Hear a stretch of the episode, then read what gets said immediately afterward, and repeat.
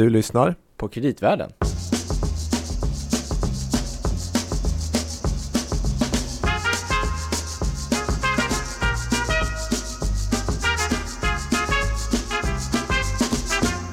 For this year, there was a slight upward revision to inflation, and some of the participants, but not all of the participants, did incorporate some assumption of a change in fiscal policy uh, into their projections. And that may have been a factor that um, was one of several that occasioned these shifts. Ja, Louis, vem var det där? Ja, det kan man Det var inte Dr. Strangelove. Det var ett annat avsnitt. Nej, det var för två år sedan. Ja, kanske skulle passa förra fortfarande. Förra året var det Elvis Presley. Just det. Mm. Nu är det Janet Yellen. Ja. Tänk vad, det, tänk vad åren går, höll på att säga. Men du heter Louis Landeman. Och du heter Gabriel Bregin. Och båda jobbar på Danske Bank Markets i Stockholm Mm. med kreditanalys. Mm, fortfarande. Ja, Mm. en tag till. Det tror jag. Ja, det hoppas jag också. Ja. Eh, vi står inför ett nytt år. Just det. Mm. Och det här året som har varit har varit lite omtumlande kan man säga, eller? Brexit och Trump Med mera. med mera. Ja. Mm. ja, men och en våg av otäckheter i Europa och eh, en initial enorm oro inför vad som kommer hända i Kina och sen ett väldigt stort lugn inför detsamma. Mm. Vad väntar nästa år kan man då fråga sig. Ja, är vi... Knappt man vågar fundera på det. Ja, ska vi göra så att vi låter några andra fundera på det tillsammans med oss kanske? Ja men precis, för att eh, det känns som att om man också tittar på olika prognoser för banker så verkar det faktiskt, uh, höll på att säga för en gångs skull, det är ganska motstridiga åsikter nu. Mm. Ska räntan gå upp eller inte? Mm. Till exempel. Vi får se vad våra gäster säger. Vi har, vi kommer, ni vana poddlyssnare kommer känna igen dessa röster. Det tror jag. Mm. Mm. Vi har en pessimist i ena ringhörnan. Det är ingen som känner sig manad. Det måste vara, det måste vara Mattias. Ja. Ja. Jag är tyst. Roger Josefsson. Jaha, okej. ja, är hej. det okej att vi titulerar dig? Vi boxar in dig med en gång. Ja, ja, okej. Ja. Ja. Och sen så har vi en optimist. En Mm. obotlig sådan. Mm. Ja. Nej, inte... Ja, mm, ja. Jo, Det finns det nyanser av mig också. Ja, Mattias Sundling. Mm. Mm. Hej. Det är när du lyssnar på Joy Division som det... Nej, men, ja, precis. Exakt. Jag har ju faktiskt varit här och försvarat en väldigt försiktig börssyn. Faktiskt. Eller hur? Ja, Ja. så är det faktiskt. Mm. Det ska du ha Men nu jag, Men nu, det var bara nu har jag ändrat mig igen. Det det var bara för att de ville ha det på band. Det kan ni gå tillbaka och lyssna på. Det var från innan sommaren. Men en, en inledande fråga till er två då. Det här eh, Jellens tal nu, den första räntehöjningen. Eh, vad ska vi tro om Fed och USA nästa år? Står vi inför en lång serie ränte, eh, snabba räntehöjningar nu eller vad, vad ska man tro? Ja, Börjar du, Roger? Ska jag börja nu? Mm. Ja, tack. Eh, nej, det tror jag inte. Eh, utan eh, man kan bara konstatera att det Fed har gjort är väl att överraska på den högaktiga sidan och lagt in tre höjningar. Eh, men det här är ju en Fed som dels kommer bytas ut och det är också en Fed som då inte har lagt, ut, lagt in, då, eh, i alla fall inte fullt ut, då, de finanspolitiska åtgärder som Donald Trump kommer att genomföra. Så vi får väl se. Det finns ju en, eh, skulle jag vilja säga, tydlig sannolikhet för att de kommer lägga in ännu fler räntehöjningar faktiskt i banan här inom det närmaste kvartalet. Men det betyder ju inte att de kommer att höja på det sätt som, som det nu ser ut. Utan min bild är fortfarande att det finns alldeles för mycket motstånd i amerikansk ekonomi för att helt enkelt klara av att höja ekonomin på det sättet som, som Trump och andra räknar med. Och eh, kanske också du Mattias? Ja, eh, en spaning är ju att det är ganska likt faktiskt hur det såg ut för ett år sedan. Då hade vi också en höjning liksom bakom oss och så fanns det en väldigt stark uppfattning om att eh, Fyra? Fyra höjningar skulle vi ha under 16 och nu hade räntorna bottnat och var på väg upp. Och istället så blev det ju en chockinledning på året när långa räntor föll 75 punkter och börsen gick ner och sådär. Och en tolkning då var väl att marknaden på något sätt underkände hela Feds beslut då och deras prognosbana. Den här gången tror jag att det blir ett totalt annorlunda i den meningen att eh, det är, är, är intressant så är det faktiskt att marknaden och Fed är ovanligt i samsyn, är de inte det? Tittar jag på Roger här. Men alltså just det faktum att marknaden också räknar med tre höjningar är väl ganska unikt. För att vi har ju haft en lång, lång period när marknaden hela tiden har misstrott Fed. Eh, så jag tror, eh, och, och, en annan, ytterligare en spaning är ju då, precis som Roger sa, nu har den här modellen som Fed har, som i och för sig då förespådde fyra höjningar helt felaktigt, men samma räkneverk säger nu då tre utan att ta hänsyn till finanspolitiken. Så man tänker ju det att om finanspolitiken går från svagt åtstramande eller neutral till våldsamt expansiv så måste det ju rimligen, allt annat lika, penningpolitiken bli mer åtstramande. Så varför skulle man inte kunna tänka sig att det, man prognostiserar fem eller sex höjningar på året? Jag menar, en, på den gamla goda tiden, en, en höjningscykel, så var det ju nästan en höjning per möte. Mm. Men det är ju, alltså om man, man tittar på vad, vad hon sa på presskonferensen, vad vi hörde i mm. början där, så hör man ju också vissa tendenser till att visst, en del ledamöter har nog tagit hänsyn till eventuell finanspolitik och vad den kommer göra med ekonomin ja. och överhettning och sådär. Så att det är väl, ja.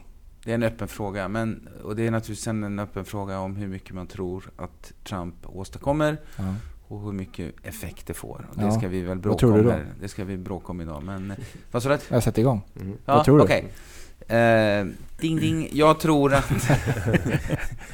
nej, men nej, jag, jag, för, för mig är ju då valet av Trump, eller Trumps valseger har varit en, eh, en eh, game changer som vi pratar om. Och jag var ju här då som sagt var väldigt defensiv, men vi ändrade oss över natten. Eh, så vi gick tillbaks till att vara överviktade på aktier och eh, tro på eh, på betydligt bättre börsutveckling under 2017 än vi tidigare trodde. Och anledningen är för att jag ser honom som extremt expansiv. Eh, och jag vet att det är massor med problem med honom till höger och vänster. Och det kan vi komma in på. Men det, det dröjer och vi är osäkra. Däremot så tror jag att det är ganska säkert att han kommer att bli väldigt, väldigt expansiv. Men, och, och, och, och det, det, är alltid banalt att dra paralleller och sådär. Men det, det, finns stora likheter med det som Reagan gjorde i början på 80-talet tycker jag. Ja, men om vi tittar, för jag, jag har sett att även du har skickat runt den grafen som är eh, som visar en uppskattning från, jag tror att det är brittiska motsvarigheten till KI, i princip, mm. eh, där man tittar på effekterna av Trumps ja. åtgärder på tillväxten. Ja. Eh, där i princip hela den effekten kommer från skattehöj- skattesänkningar. Ja. Mm.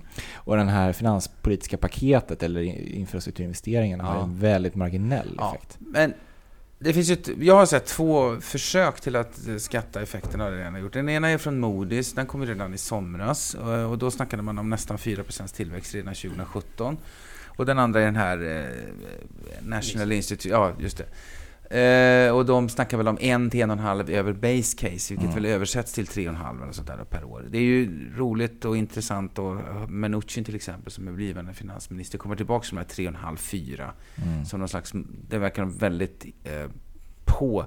Tre och en halv är också det där heliga som vi har väntat oss varje år i den här återhämtningen och aldrig fått. Och 3,5 är också den genomsnittliga tillväxten under Reagan-åren. 4,5 mm. till och med om man räknar 83 mm. till 88. Så eh, jag tror... Jag väljer att se glaset som halvfullt här. Och, eh, ja, det gör uppenbarligen aktiemarknaden också. Ja, det gör den. Och det är intressant tycker jag att marknaden gör det. För att nu sitter vi här och dividerar och funderar och diskuterar Samtidigt så går marknaden som en raket tillsammans med räntor som har gått upp 120 punkter någonting från botten va? och råvaror. Så marknaden är ju, är ju, har ju en väldigt klar tolkning. Och jag tror marknaden tolkar det rätt. Och, ja, det finns massor med frågetecken, men jag har, jag har hela tiden sagt att här får man väl liksom som placerare skjuta från höften. Mm. Här måste man ju chansa, för när vi vet sen, då är det ju för sent. Men vad säger du om det här Roger? Är Donald den nye Ronald?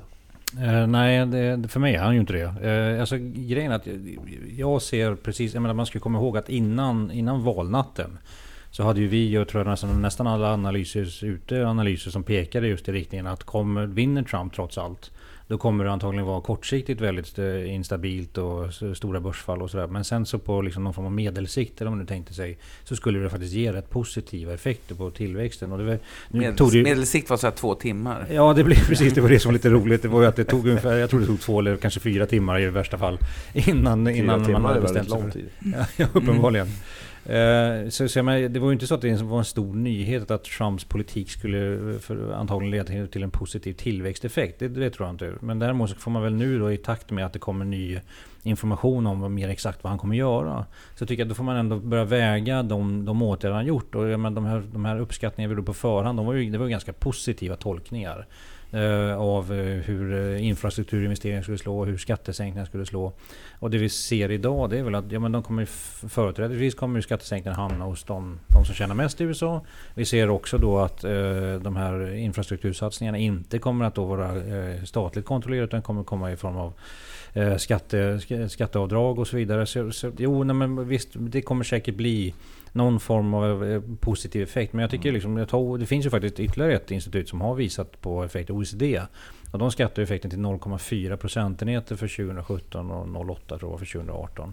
Och det är ju ganska moderat om man tänker på vad mycket det kostar ändå. För men det, här är ju, det här är ett paket som är 3-3,5 procent av BNP som man kommer utöka. Så jag håller inte riktigt med Mattias om att vi kommer från ett läge där finanspolitiken är, är neutral. Utan vi, vi har ju faktiskt ganska stora underskott och det här kommer ju utöka underskotten ytterligare ner ja, mot 8 procent. Ja, men om vi definierar... Bara en, en, fråga bara. Vad är det som gör att man kommer till så otroligt skilda resultat? Att någon säger 3,5 till 4 och någon säger en halv procent. Nej men 3,5 till 4 är total BNP-tillväxt ja, och en halv är till bidraget då. Så de går till 3 mm. eller något sånt där kanske. Eller 2,7 eller vad går de till? Ja, ja, ja jo, så, så är det också. Men det här 3,5 procent det är ju alltså kostnaden för paketet. Alltså ja, det är som andel ja, av BNP. Okay, så det har inte med som andel av BNP. Ja. Och sen är det vad får vi ut av det? Man tar hänsyn till hur verkar mm. liksom, skattesänkningen i en ekonomi? Hur mycket sparas? Mattias, jag vet att du vill komma in. Men jag har en fråga här som, mm. som kommer från kreditmarknaden. Och tänker att okej, okay, om man gör en massa investeringar nu. Eh, man kan översätta det om man tänker ett bolag, att man gör en massa capex. Liksom. Eh, man ska investera i framtida, eh, nu sänker man sig skatterna, men man kan se det som en investering också. Eh, då måste det leda till framtida kassaflöden då, eller åtminstone eller tillväxt då, för att kunna växa sig ur den skuld som man då skapar sig genom att göra de här investeringarna. Kommer, när kan, vad behöver aktiemarknaden se för att man ska fortsätta vara så här positiv när man ser att skulden i förhållande till BNP börjar öka nu eh, och ja, kanske tillväxten? Ja, det finns massor med aspekter av detta. En aspekt är ju för det första då att det här kanske inte är så mycket Reagan som det bara är en fortsättning på Japan det är ju lite halvdystert så på ett sätt i den meningen att Japan har ju haft stora underskott i 20 år. Men inte fått och upp tillväxten. stimulanser. Ja, och inte fått så mycket tillväxt utav det. Så att det här kanske bara är en stor hägring alltihopa. Eh, det kanske bara är del två i det här Japan-scenariot. Det är den dystra tolkningen. Men... Jag tänkte säga, har vi redan över det Mattias efter nej, tio minuter? Det tog bara tre minuter. Ja. nej, men nej, jag är fortfarande positiv. Men jag tror att eh, Eh, Eh, för, för börsens del så tror jag faktiskt, ursäkta uttrycket, att man skiter i budgetunderskott just nu. Eh, därför att jag tror att börsen, jag tror att hela vår, rent allmänt så är vår miljö så tillväxtsvulten att man välkomnar något nytt. Och du måste ju komma ihåg här nu, eh, när vi, eh, att alla vänsterekonomer och IMF och OECD, hela gänget har ju varit ute och krävt den här typen i breda penseldrag. En kraftig finanspolitisk expansion, ett, att vi skiftar ifrån penningpolitiken som har blivit mer och mer verkningslös och, eh, och istället flyttar fokus till finanspolitiken. Mm.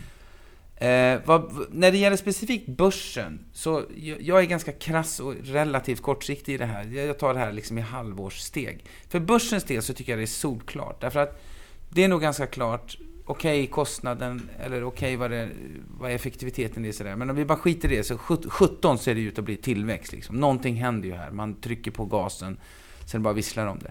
Sen är det så, för börsen, en, en viktig del i det här är ju en sänkning av företagsskatten. Och på amerikanska bolag kommer vi få en EPS-tillväxt nästa år som kanske är 15, 20, 25 procent. Bara alltså nordiska vinst, bolag... Vinst, vinsttillväxt alltså. Ja, tillväxt i vinst per aktie på nordiska bolag kommer att gå upp 5-6 procentenheter bara där. Sen har vi lite topline och lite såna här andra saker. Så att för börsens del så är det en, en liten knarkkick liksom. Eh, på, på kort sikt som är svår att bortse ifrån. Och därför så förbryllar det mig lite grann att man inte eh, tar till sig det, så att säga. Men, men ja. ja får, jag, får jag bara bemöta det som Roger sa? Det, det är såklart att det finns en massa frågetecken här och kring verkningsgraden av det han gör. Och det är naturligtvis helt relevant. Men eh, det finns ju också, och då, då, betonar vi det som kan gå snett heller, eller nedsidan på det. Men det finns ju faktiskt också uppsida på de här stimulanserna. Eh, och parallellt med de här beräkningarna som Roger berättar om, så om man tittar till exempel på Vita husets egen rapport om infrastrukturinvesteringar som gjordes någon gång, tror jag, i höstas då, så är, där är de ju oerhört eh, övertygad om att, att gör man en investering i infrastruktur så får vi väldigt fina multiplikatoreffekter. Eh, och vi får också en, en, potentiell höjning av produktivitetstillväxten som har varit någon, ett, ett svagt. Eh, och vi kanske också får en, en, en kick av hela den här grejen, att vi får igång den privata capex-cykeln som ju har varit den stora besvikelsen hela återhämtningen. Så det finns ju faktiskt också potentiella uppsidor utav den här grejen. Det är inte bara så att det, att det är nedsidor. Men Mattias, jag, jag, grejen är att jag, jag, jag tror att vi faktiskt är, har liksom mer samma uppfattning än vad man kan tro. För det är klart att kortsiktigt så är det, är det svårt tycker jag också att säga att det här kommer inte ge några effekter. För liksom det, är en, det är en massiv finanspolitisk stimulans och den är ofinansierad. Det är klart att det kommer påverka ekonomin. Och antagligen positivt. Det jag är ute efter är bara att liksom, om man nu ser förbi liksom den här närmaste kvartalet, halvåret eller kanske till och med året. Mm. Det, det, är där jag hamnar i en sån här, vänta nu, tror vi verkligen att det här, de här åtgärderna mm. kommer att funka? För den här rapporten till exempel som du hänvisar till, det är ju helt riktigt. Men den rapporten var ju också väldigt tydlig på att det är just det som Hillary Clinton sa som var rätt grejer. Det var därför hon var så mån med att fokusera på vissa saker som att reparera broar och, mm. och reformera ja, skolor. Och så. Ja. Så, så, så, det är klart, någonstans för mig handlar det inte liksom om att man ska vara ne negativ på det. Utan det är bara, vi måste mäta vad är det han gör för någonting och vad förväntar vi oss få ut ja. av det på någon form av sikt. Men det är som vanligt, kan man tjäna pengar så ska man lyssna på Mattias, kan man fundera på framtiden kan man väl möjligtvis diskutera med mig då. har ni någon, om man får fråga så här, har ni någon syn på vad tror ni liksom eh, långräntor kan vara i slutet på nästa år? Kommer de att vara mycket högre nu eller kommer de att vara lite högre? Jag tror att de är högre. Om jag ska börja då. Ja, men jag, jag, tror så här. Realräntan rör sig uppenbarligen över långa, långa, långa cykler. Och vi har, vi har pratat mycket om den globala realräntan och på senare år har det uppmärksammats mycket att, att det är faktiskt ett, ett, ett, decenn, ett fenomen som har sträckt sig över flera decennier. Så jag tror inte att det, jag har svårt att säga att det skulle hända så mycket med den. Så jag tror att realräntan är väl ungefär där den ligger, runt noll. Och då nominell blir då inflation. Och Fed kanske är beredda och till och med välkomnar att det skjuter lite över sådär. Så att 3, 3,5 tänk, tänker jag i min, all, som min USA, egen... Som en, USA, tio, ja. Tioårsränta. Tioårsräntan i USA. Och då, då är vi till, då, då. Ja, där vi är tillbaks då där vi var 2013. Så det är väl ingen katastrof. Jag tror definitivt inte att det är någon katastrof för, för börsen. Lägre då i Europa, för här ser ju läget annorlunda ut. Mm. Plus att centralbankerna går ju faktiskt i motsatt riktning här. Ja, precis. Vi tänkte komma lite till det. Mm. Vad, har du en liknande syn, Roger? Eller? Ja, alltså jag, jag, tror helt enkelt att på ett år, och det här är min högst personliga uppfattning, det delar jag inte med varken Mattias eller med banken i stort. Men det, jag är inte alls säker på att räntorna kommer att vara högre vid års, nästa årsskifte. Tvärtom. Men jag, jag, tycker man ska vara väldigt, väldigt, väldigt vaksam. För det här är ett sånt där läge som jag tycker är ändå rätt intressant. För jag tycker att en av de stora skillnaderna mot till exempel för ett år sedan, förutom Trump, mm. det är också att vi faktiskt har fått en mer tydlig uppgång i till exempel löner. Nu är det drivet väldigt mycket av... av min... du USA då? Eller? USA ja. Mm. Nu är det drivet väldigt mycket av minimilöner förstås. Men det är ju bara så det ger ju positiva effekter även på de löneskikten som ligger strax utöver. Så vi ser ju att, liksom att det finns något tentativa liksom, eh, mönster, och det är nästan svårt för mig att säga det här, men på att vi får någon form av löneinflation och inflation. Så det är klart att men de, det här är ett jättekänsligt läge och det är klart att men det här kan gå väldigt fort till och med. Det finns mm. ju till och med en risk för att det kan gå alltså, alldeles för fort. Men, men du får rätta mig här med fel. Är inte mm. de minimilöneökningarna i princip lagstiftade? Alltså är det inte att minimilönerna höjts på vissa ställen? Jo just det, alltså delstaterna, eftersom man inte har lyckats göra det på federal nivå ja. så har mm. vad är det, 18 ja, delstater. Och det är väl lite grann en one-off kanske, eller? Ja, det är en del av one-off, men vi ser ju redan, det var en annan sån här eh, CEA-rapport, Council of Economic Advisor-rapport, eh, som visade på att ja, men det sprider sig ju faktiskt till, både mm. till andra delstater, men framförallt sprider sig då i de andra löneskikten. Och de här delstaterna är dessutom sådana som går förhållandevis bra. Eh, vilket ju ändå är, tycker jag ändå är lite intressant. För då det innebär att vi, vi kan få igång kanske någon form av positiv löne, löneökningsspiral. Och ja, men någonstans så vill vi åtminstone nå upp till inflationsmålet. Och Eh, det kanske är så till och med att vi skulle vilja ha det ännu lite högre för att beta av en del av de problemen som vi har med oss fortfarande sedan krisen. Så, så jag, är, jag är faktiskt väldigt sådär, ja det kan gå... Grejen är att mitt problem är bara att våra prognoser, nästan allas prognoser just nu är väldigt sådär ljumna. Mm.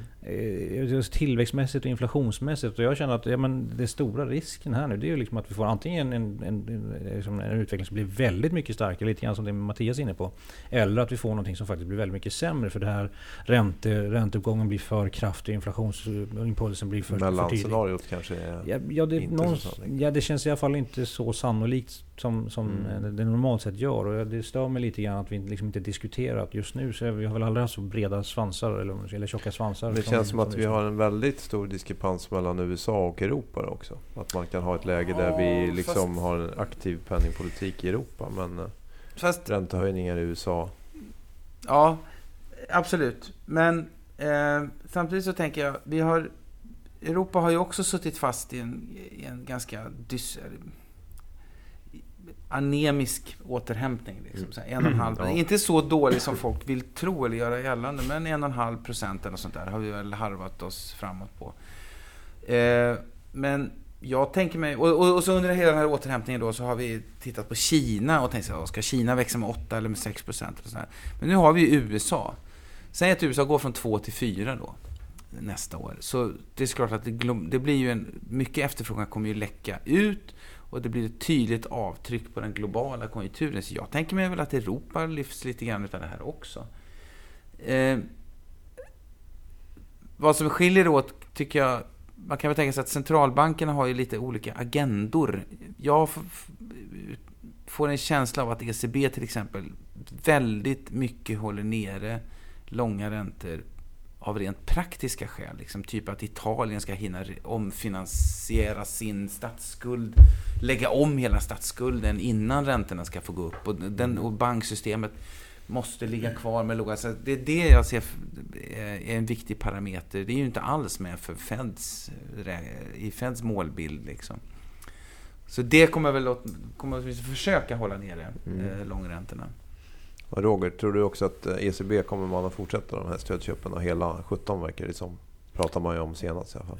Ja, ja alltså, nu har de ju gått ut. Jag skulle, jag skulle, jag skulle, grejen jag tror jag har väldigt svårt att tro att de skulle avbryta det. Även om det nu skulle bli en väldigt mer positiv utveckling. Och så tror jag inte att de kommer att avbryta dem. Däremot flaggar de väl i så fall någon gång under sommaren eller mot Mm. slutet av sommaren i så fall. För att det liksom var det sista skottet.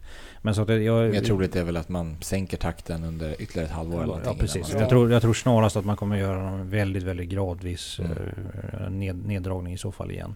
Men, men eh, återigen, min, min bild är väl att, jag, är- att det, här kom, det här har redan, tror jag, gått lite för fort med, med apropå ränteuppgången. Så jag är lite rädd att det redan nu kommer liksom lägga lite sordin på stämningen. Och vi ser ju redan nu faktiskt att tillverkningsindustrin i USA redan börjar liksom känna Mm. att den här dollarn är lite för stark och så vidare. Och det där tycker jag faktiskt är en väldigt intressant spaning. Jag har tagit upp det några gånger när jag varit ute också. Att det som, till skillnad från om man tittar tillbaka från 20, eller före 2013 så verkar det som har drivit internationell konjunkturcykel nu snarare vara just hur olika sådana här breda växelkursindex. Så när man tittar på OECDs ledande indikatorer och liknande så kan man konstatera att de korrelerar ju nästan bättre med, med, eh, Dollarn. med dollarn ja, än vad de korrelerar med till exempel VIX och sådana här traditionella riskindex. Så jag tycker det är rätt intressant faktiskt. För det är ju, det är ju någonting nytt. Men vad blir Men det är- slutsatsen då? Alltså? Är det kapitalflöden som... Ja, det är kapitalflöden och det i sin tur hänger samman med att du har extremt mycket likviditet, Mm. QE och så vidare. Och, eller överskottslikviditet på, på centralbankernas balansräkningar. Så slutsatsen blir konjunkturellt då att, att USA liksom går mot en avmattningsfas snarare än mot en, mot en tillväxtfas då eftersom man har helt enkelt för stark dollar. En annan möjlighet är ju, som vi inte har pratat så mycket om, är ju faktiskt att den här finanspolitiken inspirerar andra länder, även i Europa. Där är man väl ganska trött på eh, åtstramande finanspolitik. Storbritannien har ju mer eller mindre redan övergivit den. Och vad är det som säger att inte andra länder, också som är hårt pressade utav massa populistiska rörelser och sådana där saker, också, jag menar, Finland eller Frankrike eller sådana här länder också, Mm. ger sig in på lite mer aggressiv finanspolitik. Ja, men då är vi tillbaka till det här kortsiktiga mot långsiktiga. För vad kommer då hända då, alltså på några års sikt? Jo, men det fantastiska här är ju att om du läser OECD nu så får du ju lära dig att skuldkvoten kommer ju gå ner. Därför att Det BNP ökar snabbare än skulden. Ja, jo, och säger, nu säger jag det lite ironiskt då, för att det är lite lustigt ändå att se vad som är sanning inom ekonomisk-politisk rekommendation, så att säga. Det har ju svängt, den pendeln har ju svängt ganska kraftigt.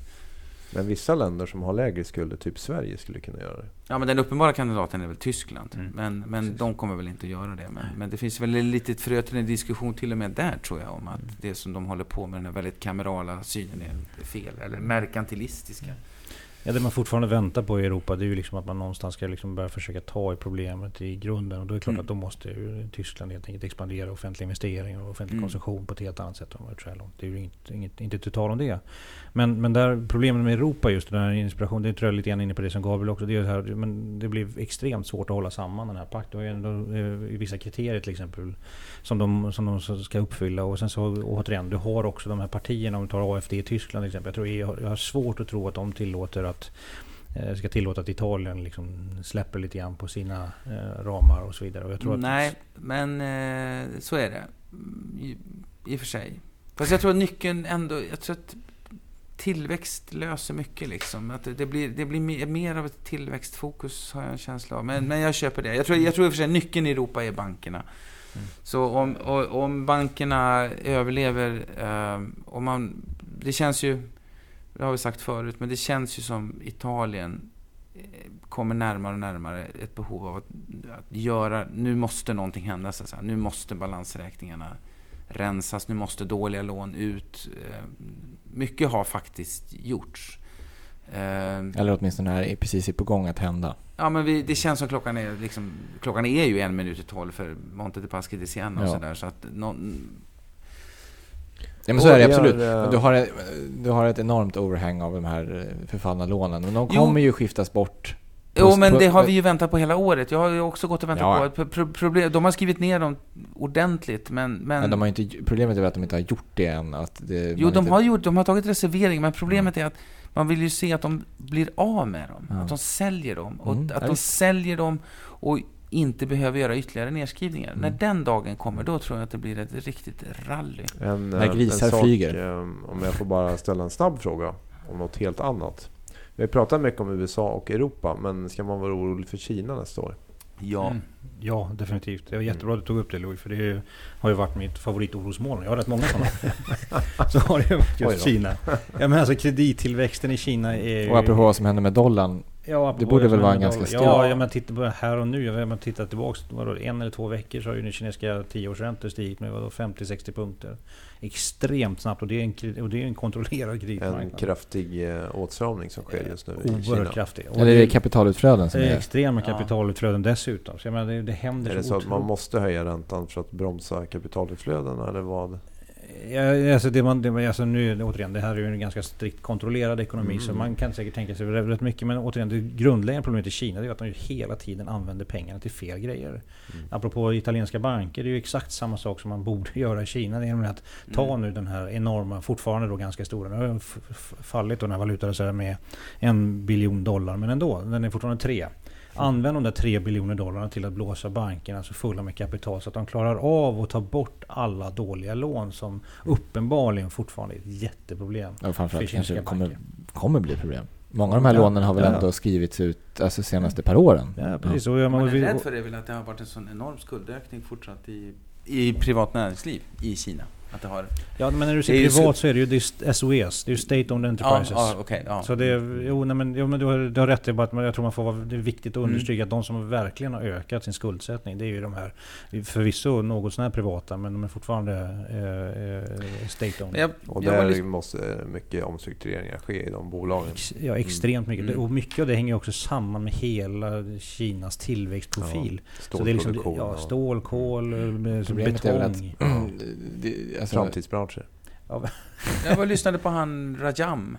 Mm. eh, Förra Indiens tidigare centralbankschef. Ja. Han uttrycker sig väldigt elegant. Men han har en bra beskrivning. av. Han sa ju. De, de sitter ju fast i någon slags stop-go-policy. De vet ju vad som ska göras och så trycker de på bromsen, b- försöka kyla av kreditcykeln och så får de lite panik. När det bromsar lite för mycket och så trycker de på gasen och så ökar de. När Så håller de- Shanghai-börsen följer med så håller de 50% på sådär. eller något ja, Så håller de på sådär. Men Kina är...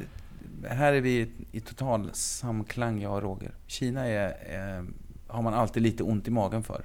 Ja, och, så, ja, och, det, här onda, det här onda i magen kommer sig också av att vi vet ju nästan ingenting. Nej. Det, det tycker jag också är viktigt att understryka. Liksom. Det, enda, det enda man känner sig något sån här trygg i är att det är antagligen inte bättre Men- än vad vi... Vad Men en Men, fråga då. men vad, så vad, skönt då att vi har tillväxt i den gamla världen.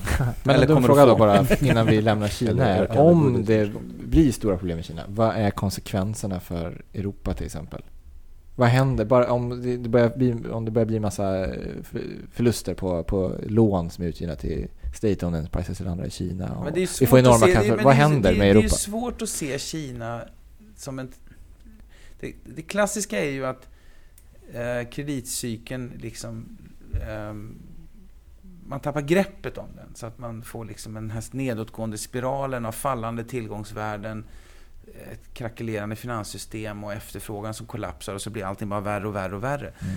Men, men det, går, vi, det har vi ju pratat om förut, men det, de har ju ändå så pass mycket handlingsutrymme. De har ju överskott och hand, valutareserver. Men Så det är- är, svårt det- att se, det är svårt att se det förloppet. Det, det blir väl snarare... Staten har Men är det är såklart att det på marginalen blir negativt. Men är det, är, det, sämre efterfrågan. det, är det risken för politisk instabilitet till exempel i det här landet med en, mil- en miljard människor? Eller är det eh, den ekono- risken för ek- världsekonomin? Det kan- Efter, nej, men det kan efterfrågan? Nej. Nej. Nej, men jag frågar Roger. Ja, han Jag kan, kan, kan bedöma det Kina-experten Roger Dessutom. Josefsson. på, på fritiden. Eh, nej, jag, alltså, jag tror att Alltså, den är det efterfrågetappet du är orolig för? Mm, Nej, det, utan det är ju framförallt den, liksom, de politiska Ja. efterdyningarna. Det är det jag är orolig för. Men det är precis som Mattias, nej, det är klart att jag inte kan bedöma det. Vi vet Nej. ju inte alls hur det kommer att se ut. Men det, men det som händer är precis som vanligt. Liksom. Du får, det är klart att du får ett efterfrågebortfall. Och sen får du väl säkert, tror jag, en ganska stor sättning på, på när det råvarupriser och liknande. Eh, och sen så får man se vad det blir för följdeffekter av det givetvis. Och sen så blir det också så att som exportmarknad, då ska vi komma ihåg att mycket av, av tillväxten i till exempel tysk export under de senaste tio åren har ju varit just till Kina. Så det är klart att man får ju vara lite sådär, hmm, jo det, det, jag tror att det spelar stor roll. Men den viktiga grejen för mig det är att klara Kina av att hålla samman. För det här är, och det är det som är mitt stora problem med Kina. Det är fortfarande diktatur. Hade det varit Indien hade det nog varit mycket, mycket coolare.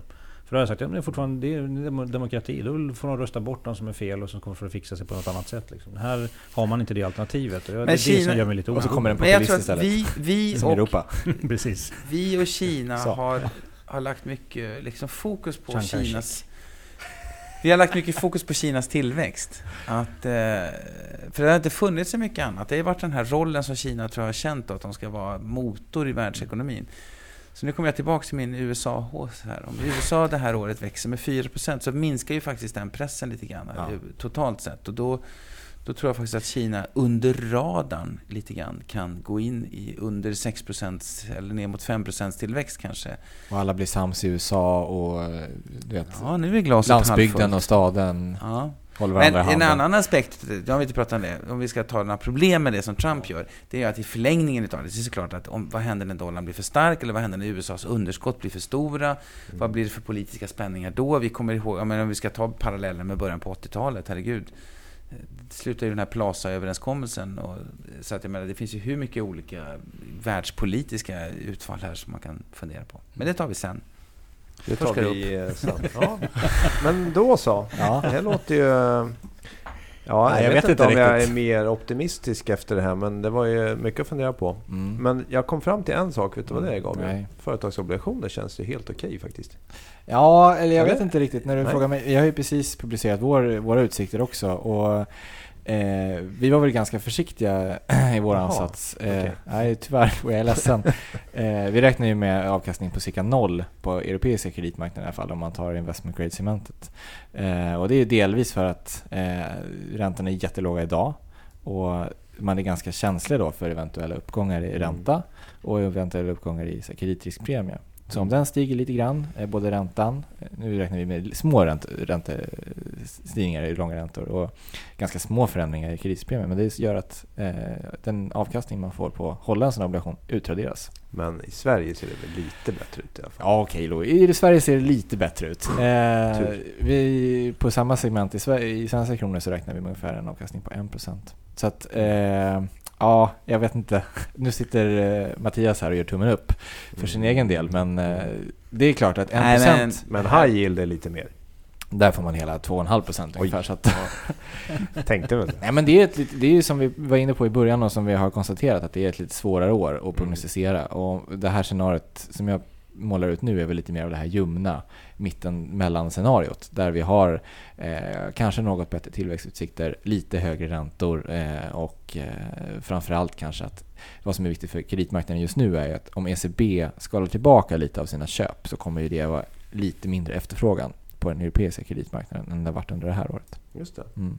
Men vet du en sak som är ganska kul? Nej. I förra årets Outlook, som Mm. vi spelade in ungefär den här tiden på året, då var man väldigt orolig för den amerikanska high-end-marknaden. Mm. Och då var vi lite mer positiva. Mm. Och vet du vad avkastningen blev ungefär hittills i år? Nej. 14 procent. Ja. Det är ganska bra. Ja men det är två veckor kvar på det. Ja, det är sant. Mycket kan hända. Räntan stiger lite till så. Ja, precis. Ja. precis. Nej men så är det ju. Eh, Mm. USA har varit ett eh, bra år. Det har vänt. Mm. Ja, men det låter som att vi kommer ha mycket att reda ut även nästa år. Kina låter som att vi borde försöka till exempel eh, göra en djupdykning i. Ja. Och vi kanske kommer behöva prata ännu lite mer om fastighetsmarknaden. Det skulle vi också kunna göra. Ja. Mm. Jag tänker mig att... eh, Ja, vi har en del saker på gång, precis. Och för kreditmarknaden så är det ju rätt spännande, åtminstone i Sverige. För fastighetsbolagen har ju blivit en ökande andel av Ja. vår marknad. Just det. Mm. Och det har varit kraftig medvind för dem i år. Mm.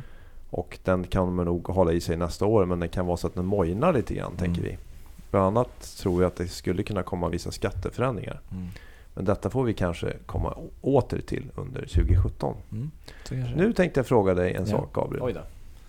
Det här Blir, med, nerv- blir inte ni nervösa när Lovis ska fråga något? Nej.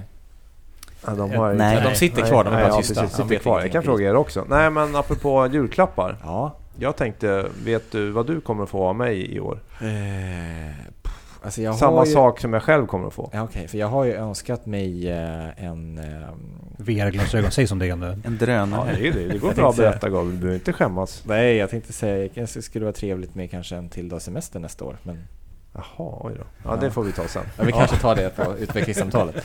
Jag som tänkte berätta att du kommer få ingenting. Jaha. Mm, det är årets julklapp. Ingenting. Och det kan vi även tipsa våra, om ni lyssnar på det här före jul, Vad händer då med tillväxten i. USA om inte jag får något? så är tipset ingenting. Det är nämligen så att Rädda Barnen har en kampanj. Man kan köpa sådana här paket. Det är flyktingpaket till exempel. Ja, och det finns ju olika. Det finns ett som är eh, ett matpaket, det finns ett sovpaket, ett klädpaket. Det kan man välja lite själv. Så om ni inte vet vad ni ska köpa, köp ingenting. Det Eller, är tipset. eller ett paket till någon annan då. Ja, Mm. precis. Bra. Ni får inte heller någonting för att ni har varit här, men vi tackar er. Tack så mycket. Tack för att vi fick Stort komma tack. hit. Ja, det är alltid så roligt. Mm. Eh, Det här blir Det jätteroligt att komma tillbaka allting- under nästa år och utvärdera de här. får ni stå för vad ni har sagt. Absolut. Ja. Eh, gärna. Louis, god jul. Detsamma Gabriel. God jul. Vi hörs nästa år. Hej.